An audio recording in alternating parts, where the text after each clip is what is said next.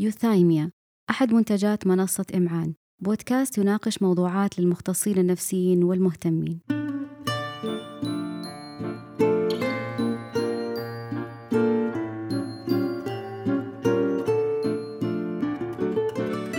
بالنسبة لموضوع التنبيهات حول بعض الممارسات العلاجية آه، فيه آه، أحيانا نجد ممارسات آه، في العلاج الدوائي يكون فيه جرعات عالية من الدواء فوق الجرعات المسموح بها. وأحيانا أيضا نجد جرعات منخفضة أقل بكثير من الجرعات الموصى بها. في أحيان أخرى نجد حالات تعدد الأدوية يكون المريض على دواء أو دواءين وأحيانا ثلاثة. أحيانا نجد أدوية من مثلا أنواع أخرى مثل مثبتات المزاج مع تستخدم بالإضافة لمضادات الذهان.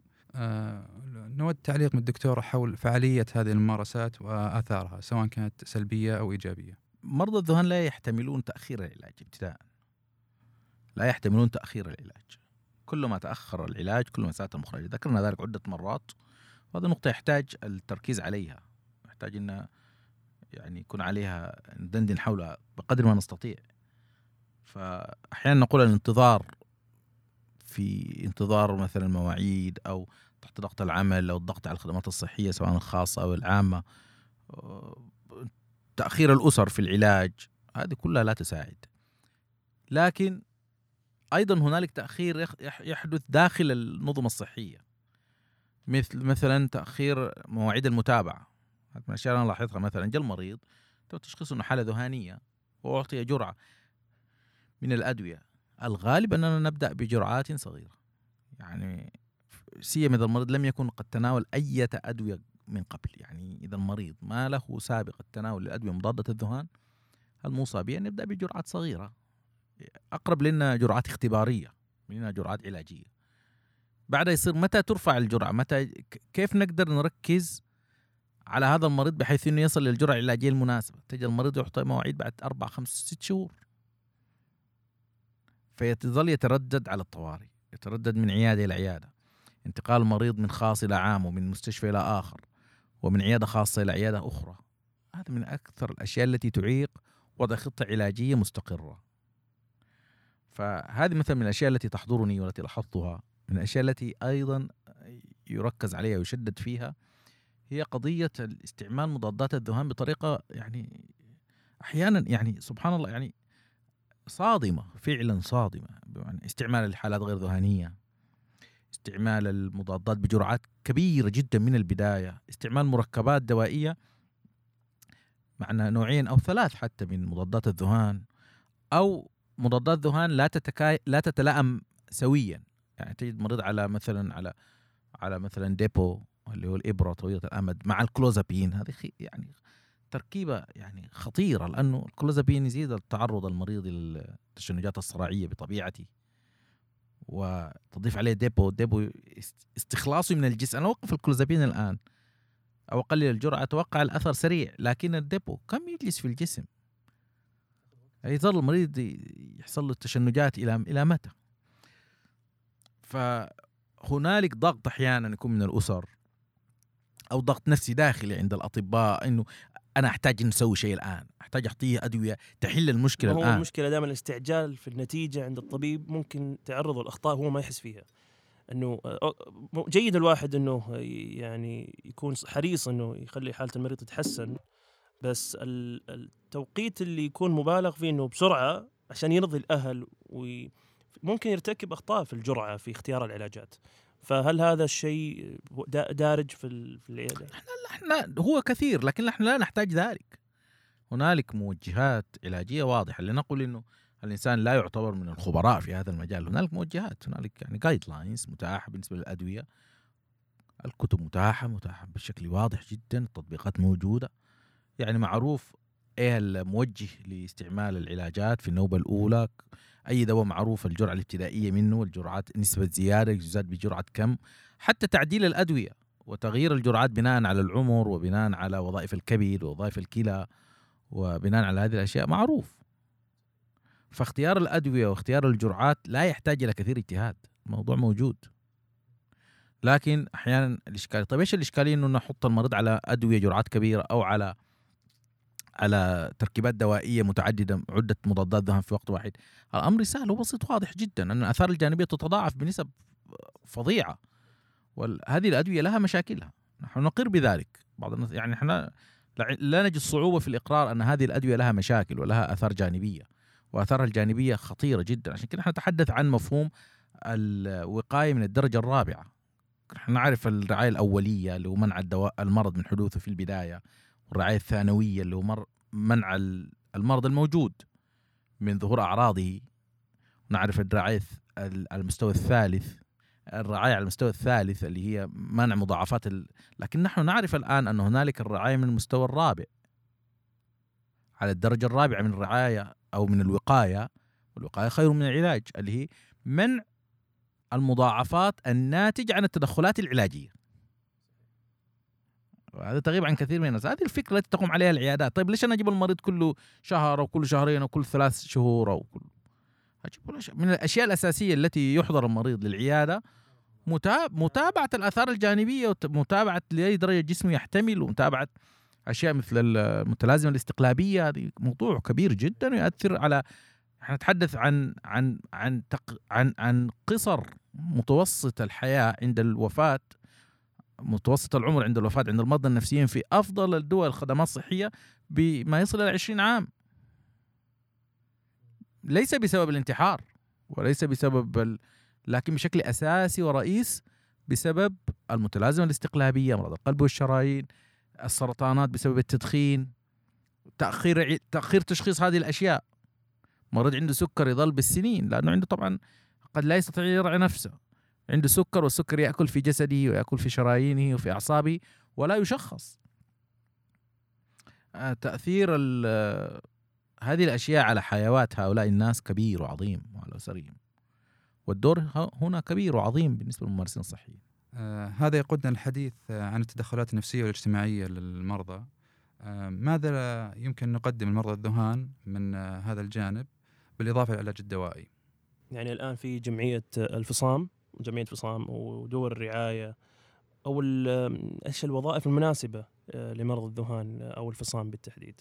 طيب مرضى الذهان عموما وليس الفصام تحديدا مرضى الذهان عموما يحتاجون رعاية كبيرة من جوانب متعددة. نحن نتحدث عن النموذج الثلاثي الذي يمثل قلب أو أصل الفلسفة بتاع حقه الطب النفسي المعاصر اللي هو ال bio-psycho-social model اللي هو النموذج الذي يقوم على تشخيص المرض من خلال الجوانب ال- البيولوجية وجوانب المرض الاجتماعية والجوانب النفسية وك- وبالمقابل تقديم الخدمات على هذه المستويات.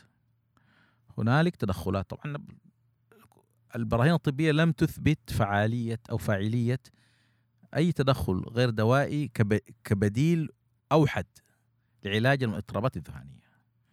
يعني لم تثبت مثلا فعالية خلافا لبعض اضطرابات المزاج مثل الاكتئاب.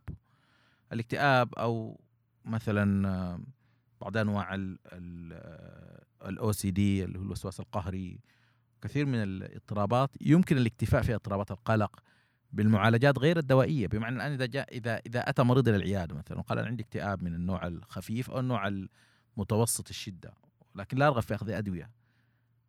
ليس هنالك أي مشاحة.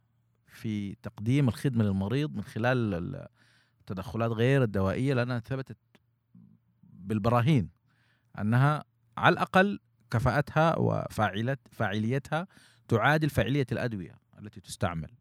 طبعا يمكن الجمع لكن على أي حال نتحدث عن ذلك، أما الذهان فللأسف ال- العلاج الأساسي والرئيس له مضادات الذهان لكن هنالك التدخلات غير الدوائية مثل تفضلت مثلا التدخلات النفسية. الآن التوصيات التي عندنا أن كل المرضى كل مرضى الذهان في نوبته الأولى تحديدا في المرحلة الأولى لابد أن ينال كل مريض قسط أو جرعة من العلاج المعرفي السلوكي. هنالك مثلا نموذج منه أو نسخة منه مخصصة للذهان. كذلك مثلا التدخلات الاجتماعية. والتدخلات الأسرية هي التي أثبتت فاعليتها. طبعا هذه الأشياء تبدو كأنها معقدة وكأنها هي يعني أشياء عظيمة وأشياء غريبة. ابدا هي هي أيسر ما يكون وأقل تكلفة مما يتصور الناس. هي أقل تكلفة بالتأكيد من الأدوية. ال- يسموه ال family formal psychoeducation اللي هو تدريب الأسر أو تعليم الأسر وتثقيفهم عن مرضى عن مرضى الذهان بطريقة رسمية طريقة ليس بمجرد يعني كلام عام أو نصح عام في العيادة إنما الدورات المخصصة للمرضى أثبتت فاعليتها في تقليل الانتكاسات، أثبتت فاعليتها في تقليل التنويم، في تقليل أشياء كثيرة جدا. ف للأسف هذه هذه الأشياء الآن نحن نعمل مثل الطاولة التي تقف على رجل واحدة. يعني للأسف هذه الجوانب تكاد تكون مفقودة أو قليلة جدا بل قليل من المختصين من تجد عنده يعني الاهتمام اغلب الزملاء الذين نتعامل معهم الذين لهم اهتمام بالتدخلات مثلا غير التدخلات النفسية والتدخلات الاجتماعية اهتمامهم أكثر بالأمراض أمراض الاكتئاب وأمراض القلق لكن قليل منهم تجد عنده اهتمام بالفصام مثلا. ليش دكتور طيب توجه الناس قليل على الفصام؟ من ناحية الجمعيات أو الدور الله أعلم. هو المجتمع الطبي أو المجتمع مجتمع الممارسين الصحيين يحتاج إلى قيادات. ومتى ما ظهرت القيادات التي تسلط الضوء وترفع من شأن مشكلة معينة وتجذبها لمركز الاهتمام بدأ الناس ينتبهوا هذا موضوع مهم. بدأت تكون هنالك جاذبية لهذا الأمر و أنا أظن السبب الناس لا لا يرغبون فعلا في علاج المرضى أو في مساعدة المرضى أبدا. لا أظن ذلك بزملائي لكن تحديدا الاضطرابات الذهانية نظر لها تحديدا في كثير من الأماكن لأنها انها يعني صعبة وأنها مخرجات العلاج فيها ضعيفة وأنها المرضى يميلون أن يكونوا مثلا حوجاتهم متعددة. قد يكون هذا السبب الله أعلم. النتائج الإيجابية أقل من الاضطرابات الأخرى. أعتقد هذا هذا الفكر اللي عند الطبيب لما يتعامل مع مرض الذهان أو الفصام آه إنه القلق والاكتئاب كمثال أو خلينا نقول الرهاب قد تكون نتائجه مرضية أكثر للطبيب أعتقد. هل هذا له دور؟ ربما عند بعض الناس. بعض الناس يحبوا النتائج السريعة. بعض الناس يحبوا النتائج المثالية. العاجلة يحبوا يحب إنه يعني يشعر أنه قد قدم شيئا صحيح. جيدا سريعا عاجلا. صحيح صحيح. لكن يبدو لي أن من ناحية مهنية أن هذا ليس بدور الأطباء. دور الطبيب أن يقوم بخدمة المريض إلى آخر لحظة. وإلا الآن مثلا من الذي يعالج مرضى السرطان في في في أطواره المتأخرة؟ المرضى الذين مثلا آه، انتشر في في اجسادهم السرطان بدرجة لا يمكن استئصال أو القضاء على هذا المرض. لكن لا تبقت له أيام الرجل صح حي. صح. تبقت له شهور قد تبقى له سنوات. هل نقول لا اتركوه على الألم اتركوه يتألم اتركوه صحيح. صحيح. لا يستطيع أن يتغذى؟ لا أحد عاقل يقول بهذا الكلام ولا أحد يعني مهني يقول هذا الكلام. لكن أنا أقول أن مرضى الفصام يعني حتى مخرجات العلاج عندهم ليست بهذا السوء مرضى الذهان عموما. صحيح. أنا عارف أن نسبة مقدرة يعني أنا أقول حوالي الخمس من مرضى الفصام يتأثرون بنوبه ذهانيه واحدة لا تعاودهم مرة ثانية قط. طيب فين هم؟ لا نشوفهم لأنه صاروا طيبين. صحيح. يعني أين هم؟ نحن نشوف في العيادات اللي يجي من زمان لو 20 سنة أو 30 سنة. لأنه ه... هذا الذي تعافى لا يحتاجنا ثم هنالك نسبة كبيرة منهم من مرضى الذهان يستطيعون أن يمارسوا حيواتهم بشكل طبيعي أو أقرب أو قريب جدا من الطبيعي يأخذوا الأدوية مثل مريض السكر يجي العيادة مرة كل ستة شهور كل سنة. عندي يعني عندي مريض يعني أنا أفتخر جدا فيه لأنه الحقيقة لم لم أقم بعلاجي. أنا استلمت العيادة وكان هو متابعا فيها وكان متابعا سنوات الرجل أصيب بال بال بالمرض وهو في الجامعة وكان نابغة وكان متفوقا ولم يستطع الإكمال. قرأت ملفه. ملفه يعني يدل على مسار المرض في البداية كان مضطرب جدا وكان صعب جدا يحتاج تنويم وإلى آخره. ثم بعد ذلك تعافى على الأدوية. طبعا مفهوم التعافي يختلف يعني بعض الناس يظن التعافي معناتها يصير بدون أدوية. لا التعافي على الأدوية. تعافى على الأدوية وأكمل الدراسة وحضر في الماجستير وفي الدكتوراه وصار رئيس لمجموعة من الهيئات العلمية على مستوى المنطقة. لا أحب أحب نذكر أي نوع تخصص لأنه قد يعرف لبعض الناس. صحيح. وصار يعني على درجة من يعني على يعني مطلوب جدا جدا وظيفيا وتزوج وله بيوت وله كل شيء يعني.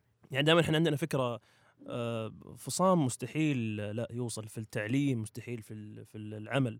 آه، إنه دائما إحنا عندنا اللي هو ال downdrift theory أو خلينا نقول ال deterioration أو آه، يعني سوء حال المريض من سنة إلى سنة. هذه هذا التفكير أعتقد إنه لابد إنه نعيد النظر فيه إنه لا مو كل مرضى الفصام كلهم المآلات آه، حقتهم تكون سلبية جدا زي ما إحنا متوقع. إي لا بالتأكيد المآلات أفضل كثير مما يتصورها الناس. وللأسف أفضل يعني أفضل مما يتصوره بعض المختصين لكن هنالك إحنا نقول observation bias اللي هو صحيح. اللي هي إشكالية ال- انح- الانحراف في الملاحظة. إنه نلاحظ الأشياء الغير واضحة. يعني الان نحن نجلس مثلا ننظر للطريق السريع مثلا. تمر بما يقرب في اليوم من صحيح. يمكن ربع مليون سيارة. نقع في كثير. لكن نلاحظ للسيارات التي تتعثر أو السيارات التي تحدث لها حوادث وكذا.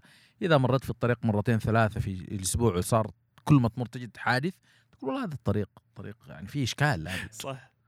لكن لا, لا تلاحظ أن هذا الطريق تمر به كل هذه السيارات. نحن نقول أن مرضى الفصام الذين يتعافون بالكلية يصل إلى خمس المرضى. الذين يتعافون على الأدوية تحصل انتكاسات من حين لآخر يزيد على على الثلث. وتبقت نسبة من المرضى مسار المرض عندهم أكثر حدة وشدة. فيما يخص التدخلات الاجتماعية آه، في موضوع اللي هو فرص مرضى الذهان في الوظيفة والزواج. الدكتور ذكر آه، حالة آه، اللي هو يعني هناك من حقق نجاح كبير في الوظيفة وحقق استطاع أنه يحقق نجاحات في الحياة. لكن بالنسبة لمرضانا اللي إحنا نشوفهم باستمرار في العيادة ويحتاجون متابعات طويلة من الأسئلة المعتادة يكون سؤال عن الوظيفة المناسبة لهم أو عن فرص المريض آه، في الزواج ويكونون يطلبون ما هي يعني وش النصيحة المناسبة آه، للمرضى في مثل حالتهم. كيف نقدر نساعد المرضى اللي مثل هذولا؟ يجب أن يطلع المجتمع بدوره ككل في هذا الأمر. وهنالك مبادرات. يعني أذكر أن الزملاء في في المركز الوطني لتطوير الصحة النفسية اجتمعوا مع يعني يحكي لي احد الزملاء هناك قال اجتمعنا مع مع الغرفة التجارية وعرضنا لهم مشكلة أن المرضى النفسيين عموما لا ينالون حظوظا متساوية عند التوظيف. فوجدوا يعني يذكر لي هو شخصيا يقول لي وجدنا قبول عظيم من رجال الأعمال الذين يوظفون الناس في القطاع الخاص لتوظيف كل شخص حالته مستقرة مستقرة.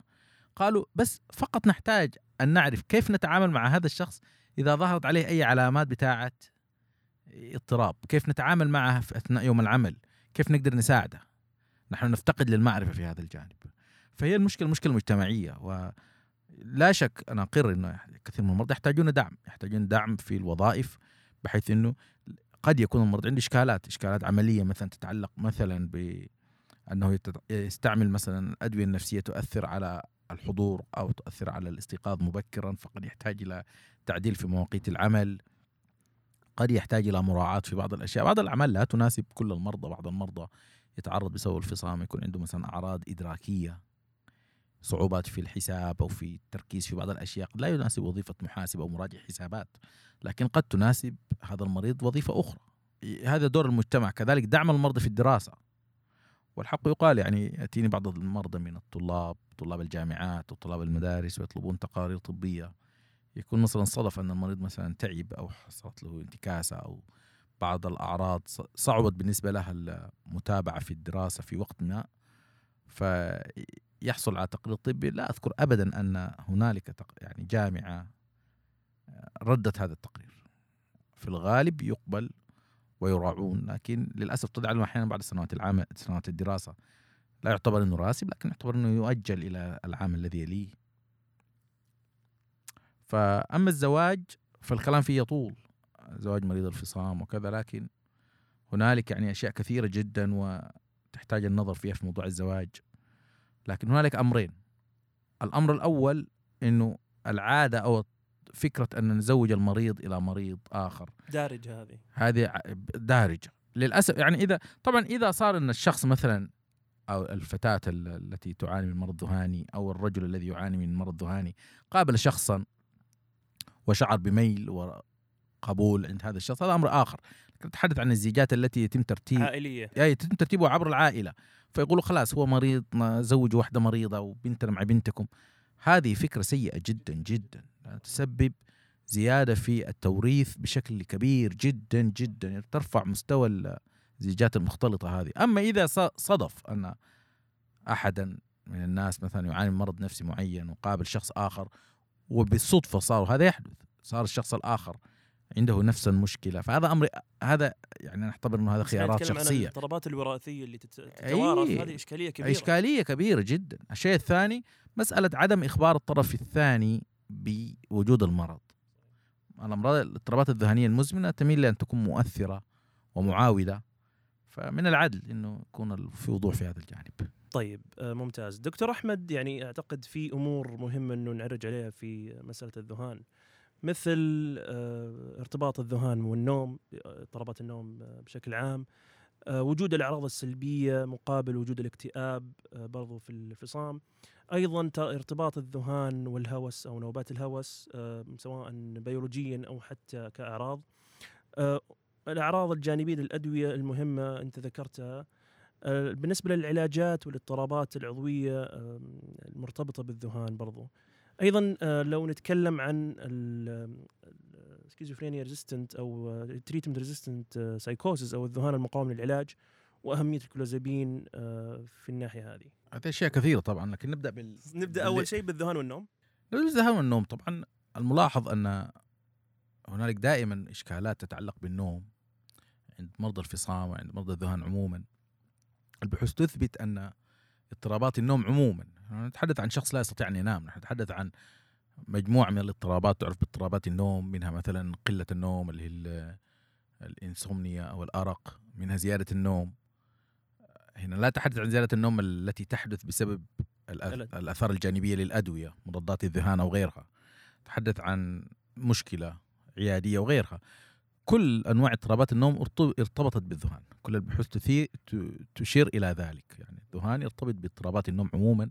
ويقابل ذلك أمر آخر ظاهرة أن الحرمان من النوم الحرمان من النوم قد يؤدي إلى أعراض ذهانية. هذا أمر مهم. صحيح. يعني نحن نعرف أن الناس الذين لا يعانون من أي اضطرابات ذهانية سابقة إذا تم تعريضهم لفترة من فترات الحرمان من النوم تبدأ تظهر عندهم في أيام بعد وقت معين بعض الأعراض الذهانيه مثل الهلاوس السمعية والبصرية وبعض الأشياء.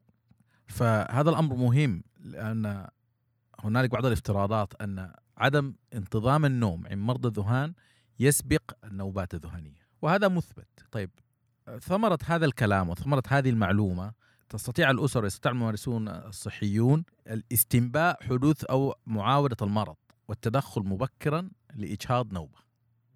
نسميها early relapse signatures. فهذه من الاستراتيجيات المهمة أن يعرف المريض ويعرف الأسر ويعرف حتى الممارسون الصحيون أن وتكتب عادة في الخطة العلاجية للمريض أنه إذا صار مثلا زيادة في التدخين، قلة في النوم أو زيادة في النوم أو أو أو فهذه قد تكون علامات انتكاس. vital signs هذه. هذه هذه علامات علامات منذرة منذرات الانتكاس وكثير من المرضى إذا انتبه إلى منذرات الانتكاس يستطيع أن يحدث تدخل قليل قد يكون مثلا تكثيف المتابعات في العيادة الخارجية زيادة قليلة في الأدوية أو تغيير قليل أو محدود في الأدوية قد يؤدي إلى اجهاض النوبة ويوفر على المريض عناء وعلى أسرته وعلى النظام عموما عناء كثيرا يتعلق بالتنويم والخطر المرتبط بالانتكاسات وغير ذلك طيب دكتور الأعراض السلبية مقابل تشخيص الاكتئاب في مرضى الفصام. هذا موضوع مهم جدا يسعدني إنه هذا الأمر يث- يثار هنا لأن هذا الموضوع موضوع دقيق. الأعراض نبدأ في البداية بس آه، نذكر ما هي الأعراض السلبية؟ هي المهارات هي جزء من الاضطرابات الذهانيه عموما وهي المهارات التي يفقدها المريض بسبب الذهان. الأعراض الموجبة هي المها... هي الأعراض التي تطرأ على المريض هي الأعراض التي لا توجد عند الأصحاء أو غير المصابين بالذهان فتطرأ على المريض مثل الهلاوس مثل التهيؤات مثل اضطراب الأفكار وتقطع الأفكار وما يلي ذلك من تقطع الكلام إلى آخره. أما الأعراض السالبة للذهان هي الأعراض التي أو المهارات التي يفقدها توجد طبيعة عند الناس ويفقدها المريض بسبب الذهان. مثل رعاية النفس، الاهتمام بالنظافة، مثل الدافعية، تنوع الأفكار، التواصل الاجتماعي بالناس، الرغبة في الاختلاط الاجتماعي داخل وخارج الأسرة. هذه كلها أعراض أو مهارات يفقدها مريض الذهان وبعض مرضى الذهان تسمى الأعراض السالبة للذهان. لو تلاحظ أن هذه الأعراض تشابه إلى حد ما الأعراض الاكتئابية. لكن هل وهذه من الأخطاء التي ينبغي التنبيه عليها جدا جدا جدا. أراها تتكرر تتكرر كل يوم. افتراضا ان المريض عنده فصام مثلا كأنه نقول والله لأنه عنده فصام لا يمكن يحدث عنده اكتئاب. طيب كم هي نسبة نسبة الاكتئاب في الاضطرابات الفصامية والاضطرابات الذهنية عموما عالية جدا جدا. نحن نتحدث عن نسبة إصابة بالاكتئاب في الجملة تفوق الأربعين بالمئة من المرضى. وأثناء النوبة الحادة نوبة يعني أثناء الانتكاس ال- أثناء نوبة ذهانية حادة تصل نسبة الاكتئاب أو وجود الأعراض الاكتئابية أو الاكتئاب بمعنى العيادي 60% من المرضى وما بعد النوبة بعد شفاء النوبة تصل نسبة ل 50% بعد النوبة الأولى و20% في المرضى المعاود أو المزمن بمعنى أنه الاكتئاب قد يحدث قبل النوبة الاكتئابية قبل النوبة الذهانية قد يحدث أثناء النوبات الذهانية في نسبة تصل إلى 60% ويحدث في نسبة تصل إلى 50% بعيد النوبات الذهانية حتى بعد علاجها. لكن أعراض الاكتئاب تشابه أو في كثير من الأحيان تتداخل مع الأعراض السالبة. ونحن كأننا نقول للمرضى أوكي نعم لأنك أنت عندك فصام لا يمكن أن تكون مكتئب أو لأنك أنت عندك ذهان كل المشاكل عشان كذا لما يجي المريض العيادة إيش اللي يصير عادة؟ نسأل عن الهلاوس نسأل عن ال... نسأل عن ال... التهيؤات أو الضلالات. لكن قليل جدا ما نسأل عن أعراض ال... الوجدانية أو لأنه إحنا نعتقد. إنه ال patient أو المريض ما هو ما هو أصلا ممكن لأنه هو عنده فصام هو أصلا عنده فصام ما عنده اكتئاب فهمت؟ هذه إشكالية الطرق التشخيصية ال- القائمة على إنه هذه الاضطرابات الاكتئابية وهذه الاضطرابات الفصاميه وهذه هذه إشكالية الطريقة التي تدربنا بها. يعني يمكن التعامل معها كطيف أو spectrum أعتقد أحسن لك أنت كطبيب يكون مرونة آه، أكثر. وهذا الأولى وهذا الصحيح على أي حال إذا كانت النسبة بهذه الدرجة إيش تبعات الاكتئاب على مرضى الذهان أو على مرضى الفصام أو غيره. كل البحوث أيضا بحوث تقول أنه يقلل من جودة الحياة ونوعية الحياة بشكل واضح. أكثر عامل محدد لنوعية الحياة عند مرضى الفصام هو وجود أو عدم وجود الاكتئاب. وأيضا يؤثر على وظائف المريض من حيث مقدرة المريض على الأشياء التي تحدثت عنها على العمل والدراسة والزواج والاستمتاع بالحياة والخروج والذهاب إلى السوق. ويزيد من الخطر المرتبط بالانتحار وإيذاء الذات. طيب يجي السؤال الذي سألت يعني سألت كيف نقدر نميز؟ هذا هو تحدي هذه معضلة عند كثير من ال صحيح و- دائما هي نقاش آه، يكون بين الأطباء في الموضوع هذا نعم وأنا أقول أبدأ بشيء إذا تعذر على الإنسان أو شك إنه هذه أعراض ذهانيه سالبة أو هي أعراض اكتئابية وصار بالنسبة لها على طرفي متساويين من حيث الاحتمالية لا بأس إنه يبدأ ببعض مضادات الاكتئاب إيش المشكلة اللهم إلا إذا كان هنالك سبب لمنع وصف مضادات الاكتئاب محاولة توصيف مضادات الاكتئاب قد تدهشك أحيانا من التحسن حتى في الأعراض الذهانيه صحيح الشيء الثاني لكن هنالك وسائل عيادية نقدر من خلالها نستطيع أن نميز. هنالك أعراض إذا وجدت هي تشير بشكل واضح إلى وجود اكتئاب. أن هذه الأعراض ليست بسبب الأعراض السالبة، هنالك أشياء إذا وجدت تجعل الإنسان يميل إلى أن هذه الأشياء بسبب الأعراض السالبة. وهنالك أعراض لا تميز لا هذا ولا ذاك، تحدث في الحالتين. بالنسبة للأعراض الاكتئابية الأشياء التي يعني ترجح وجود اكتئاب هو انخفاض المزاج إذا المريض قال لك أنا شاعر بأنه مزاجي منخفض عادة المريض لما يكون عنده أعراض سالبة أو أعراض سالبة للذهان لا يكون عنده درجة من درجات الإدراك لأنه عنده أعراض سالبة. ما يجي المريض يقول لك والله أنا أعراضي عندي أعراض سالبة أو عندي اكتئاب. يعني في فرق بين الاباثي أو خلينا نقول عدم اللامبالاه والشعور بالحزن نفسه. بالضبط. لكن هنا المريض يتحدث بنفسه عن انخفاض في المزاج أو يقر عند التس... عند السؤال أن مزاجه منخفض هذا مرجح قوي لوجود اكتئاب. طبعا إذا انتظم فترة زمنية أسبوعين أو أكثر. كذلك الأفكار الانتحارية. إذا المريض مريض الفصام أو أي مريض ذهان تحدث عن الانتحار هذا مرجح قوي أن عنده أعراض اكتئاب وانه قد يكون يمر بنوبة اكتئابية. نحن نتحدث الآن عن 60% من المرضى يعني الراجح أن المريض قد يكون عنده بعد عنده أثناء النوبة عنده أعراض اكتئابية أكثر مما يكون عنده. الشيء الأخير هو البيسيميزم أو يعني النظرة السوداوية. والتشاؤم. كيف؟ يعني سؤال بسيط كيف كيف الأمور؟ إيش تتوقع يصير بعد وين تتوقع تك- تكون بعد سنة؟ أو كيف تتوقع حياتك تكون بعد ستة أشهر من الآن؟ والله لا أرى انه نظرة تشاؤمية سوداوية. هذه أيضا من مرجحات ال. أما بالنسبة للفقر الأفكار لل alogia و blunted affect اللي هو ال ال affect هو ما أدري التعريب المناسب لل blunted affect اللي هو إنه يكون مثلا التفاعل ال- تفاعل المريض المرئي من حيث علامات الوجه وما يتعلق بذلك وتفاعله عموما إنه مزاجه ليس ليس فيه ال- الانقباض ال- المعروف. فهذه ترجح الأعراض السالبة. لكن أنبه أن ال anhedonia أو قلة الرغبة في الأشياء أو عدم الرغبة في الأشياء مشتركة. لا نستطيع أن نبني عليها. كذلك ضعف ال- النشاط البدني. ال anergia أو الفتور بحكم إنه أصلا بيولوجيا الاكتئاب آه، عامل دوبامين أصلا فنفس الشيء في الذهان. وربما يا ربما لكن الأعراض الاكثر مشتركة. في أي بعدين ال avolition اللي هو عدم ال- إرادة. أي ضعف الدافعية أيضا لا مشتركة ما بين النقطتين. ويمكن استعمال بعض الأشياء مثلا عندنا نحن هنالك مثلا هنالك مقياس يستعمل ال Calgary أي معروف Calgary scale depression scale هو مخصص لقياس الاكتئاب عند مرضى الفصام. ف Calgary أنا أرى إنه يستعمل وهو يركز على تسعة آه، أعراض من أعراض الاكتئاب وهي الأعراض التي يميل المريض ان ان يعني يت- يتعرف عليها بنفسه وهو موجود. فال Calgary scale ممكن يستعمل يستعمل بحثيا ويستعمل عياديا طيب ممتاز. دكتور تكلمنا عن الأعراض السالبة. الآن ال- خلينا نقول الأعراض الذه- الذهنية والإدراكية معضلة كبيرة في مرض الفصام يمكن تواجهنا دائما. هي قد تكون التحدي الأساسي في العلاج يمكن آه، في الفصام. آه، تعليقك على الموضوع هذا دكتور أحمد؟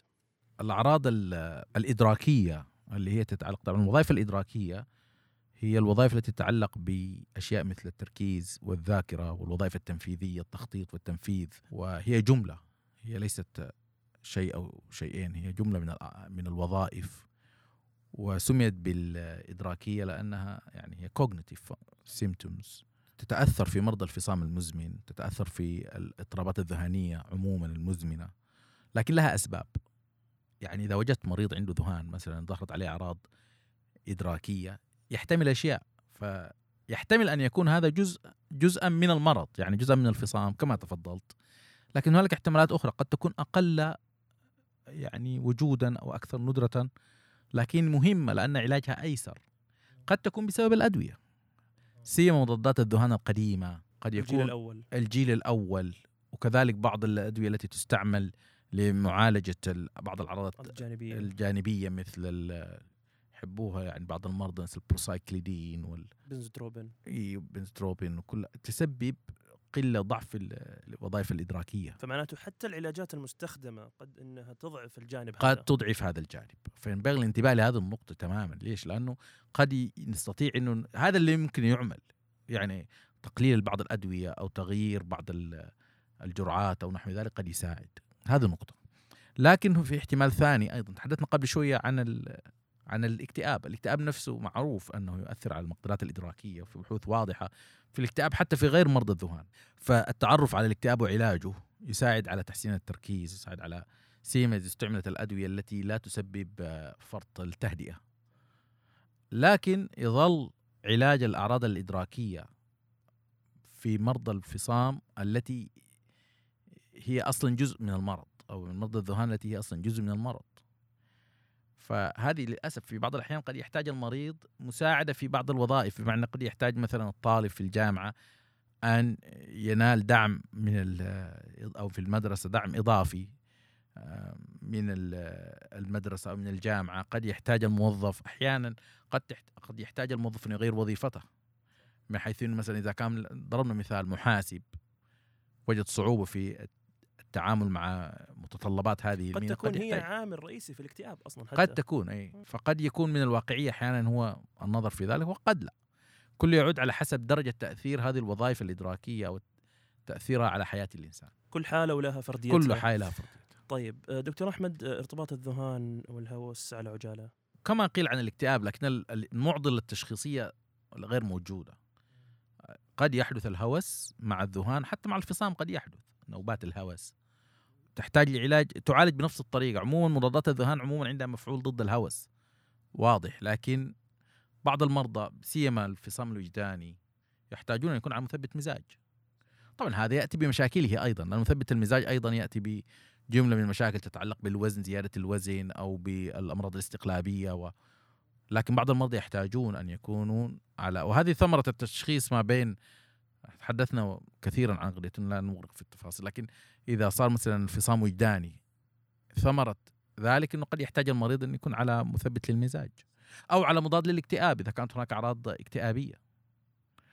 ف هذه قد يكون فيها جانب تفصيلي كثير لكن عموما وجود الأعراض الوجدانية عند مرضى الذهان في الجملة ينظر له على أساس أنه آه، علامة إيجابية. يعني مخرجات العلاج تكون أفضل. يعني أعتقد حتى دكتور أحمد آه، بيولوجيا الهوس والذهان مرتبطين في في الدماغ آه، درست كثير ارتباطهم زي ارتباط الاكتئاب والقلق فأعتقد في ارتباط وثيق بينهم.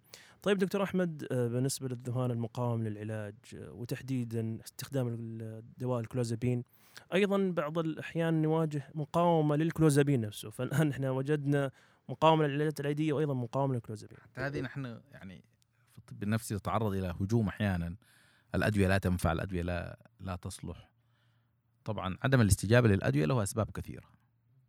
لكن منها مثلا عدم الانتظام على الأدوية ابتداء كيف نتوقع أن يعمل الدواء إذا لم يؤخذ بانتظام أو لم يؤخذ بطريقة صحيحة وبجرعه صحيحة. لكن خلينا نفترض أن المريض أخذ نوع من انواع الأدوية لم يستجب عليه. مضادات الذهان نتوقع إن يكون الجرعة صحيحة علاجية ولذلك تعريفات طبعا يعرفها المختصون. مثلا يقولون ما تعادل 600 ملغ من كلوربرومازين يقولون كلام. لكن على أي حال إذا كانت الجرعة علاجية واستمر المريض عليها بانتظام لمدة أسابيع ولم نرى تحسنا ملحوظا مرضيا للمريض وللممارسين الصحيين وللأسرة هنا نستطيع أو يجب علينا أن نقول أن هذا الدواء لا ينفع.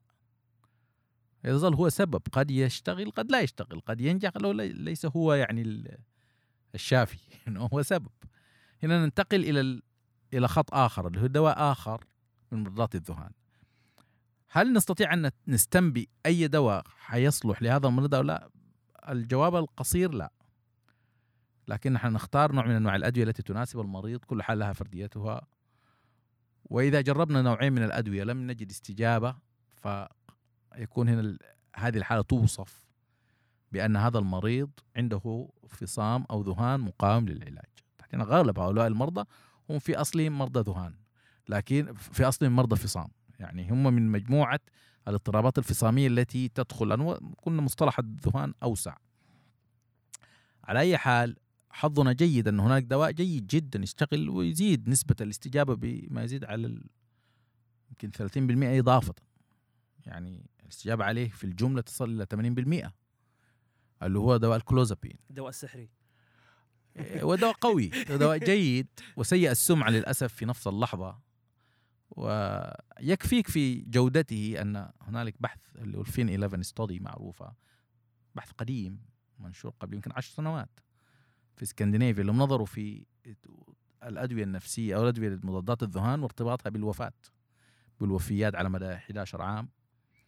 ووجدوا أن أقل الأدوية المرتبطة بالوفيات هو الكلوزابين خلاف لما متوقع متوقع ويظن وأكثر الأدوية ارتباطا بالوفيات هو يعني هل أنت دكتور تأيد فكرة ممكن نبدأ آه، من البداية كلوزابين؟ يعني هذه هذه تساؤل في ناس مع المدرسة إنه لا آه، لا ابدا مستحيل كلوزابين من أول محاولتين أو تجربتين زي ما هو المعتاد. لا وفي ناس مع المرونة هذه إنه ممكن آه، يعطى الكلوزابين من بداية مراحل العلاج.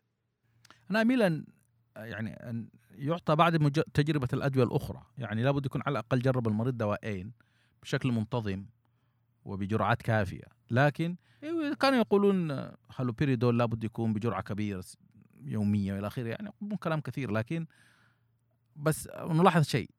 نلاحظ اولا أن انتقدت الخدمات الصحية إنه هذا الدواء الذي لا زالت اللي ما زالت كل يوم تخرج بحوث تثبت فاعليته وهو يعني هو التدخل الوحيد في مع الليثيوم الذي ثبت سواء دوائي أو غير دوائي انه يقلل من نسب الانتحار ويقلل من نسب العنف.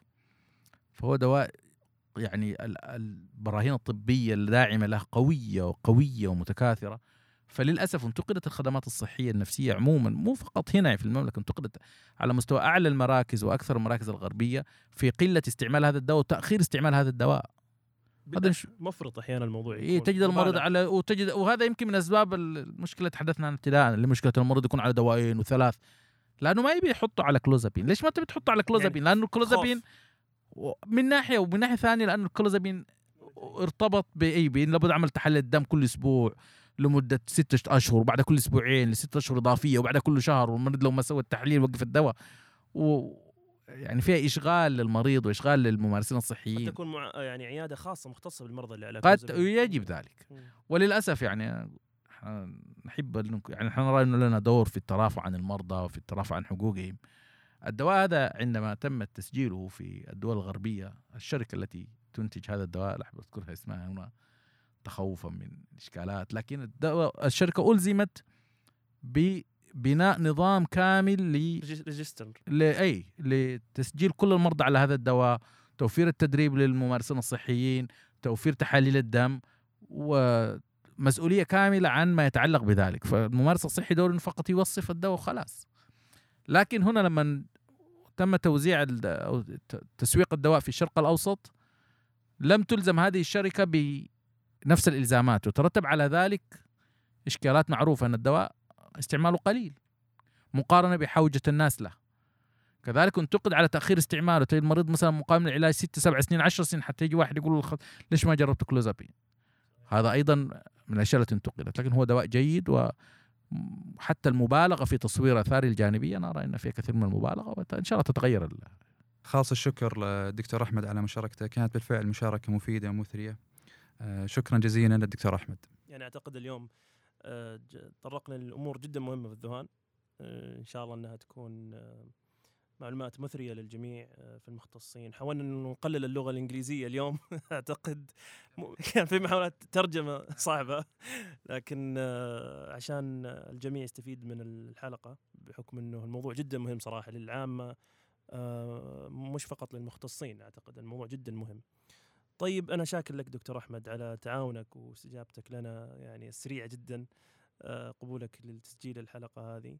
ويعني إن شاء الله بإذن الله تعالى نحاول نسجل معك حلقات كثير في الذهان لأنه موضوع مثري وأعتقد إنه مهم لجميع المختصين.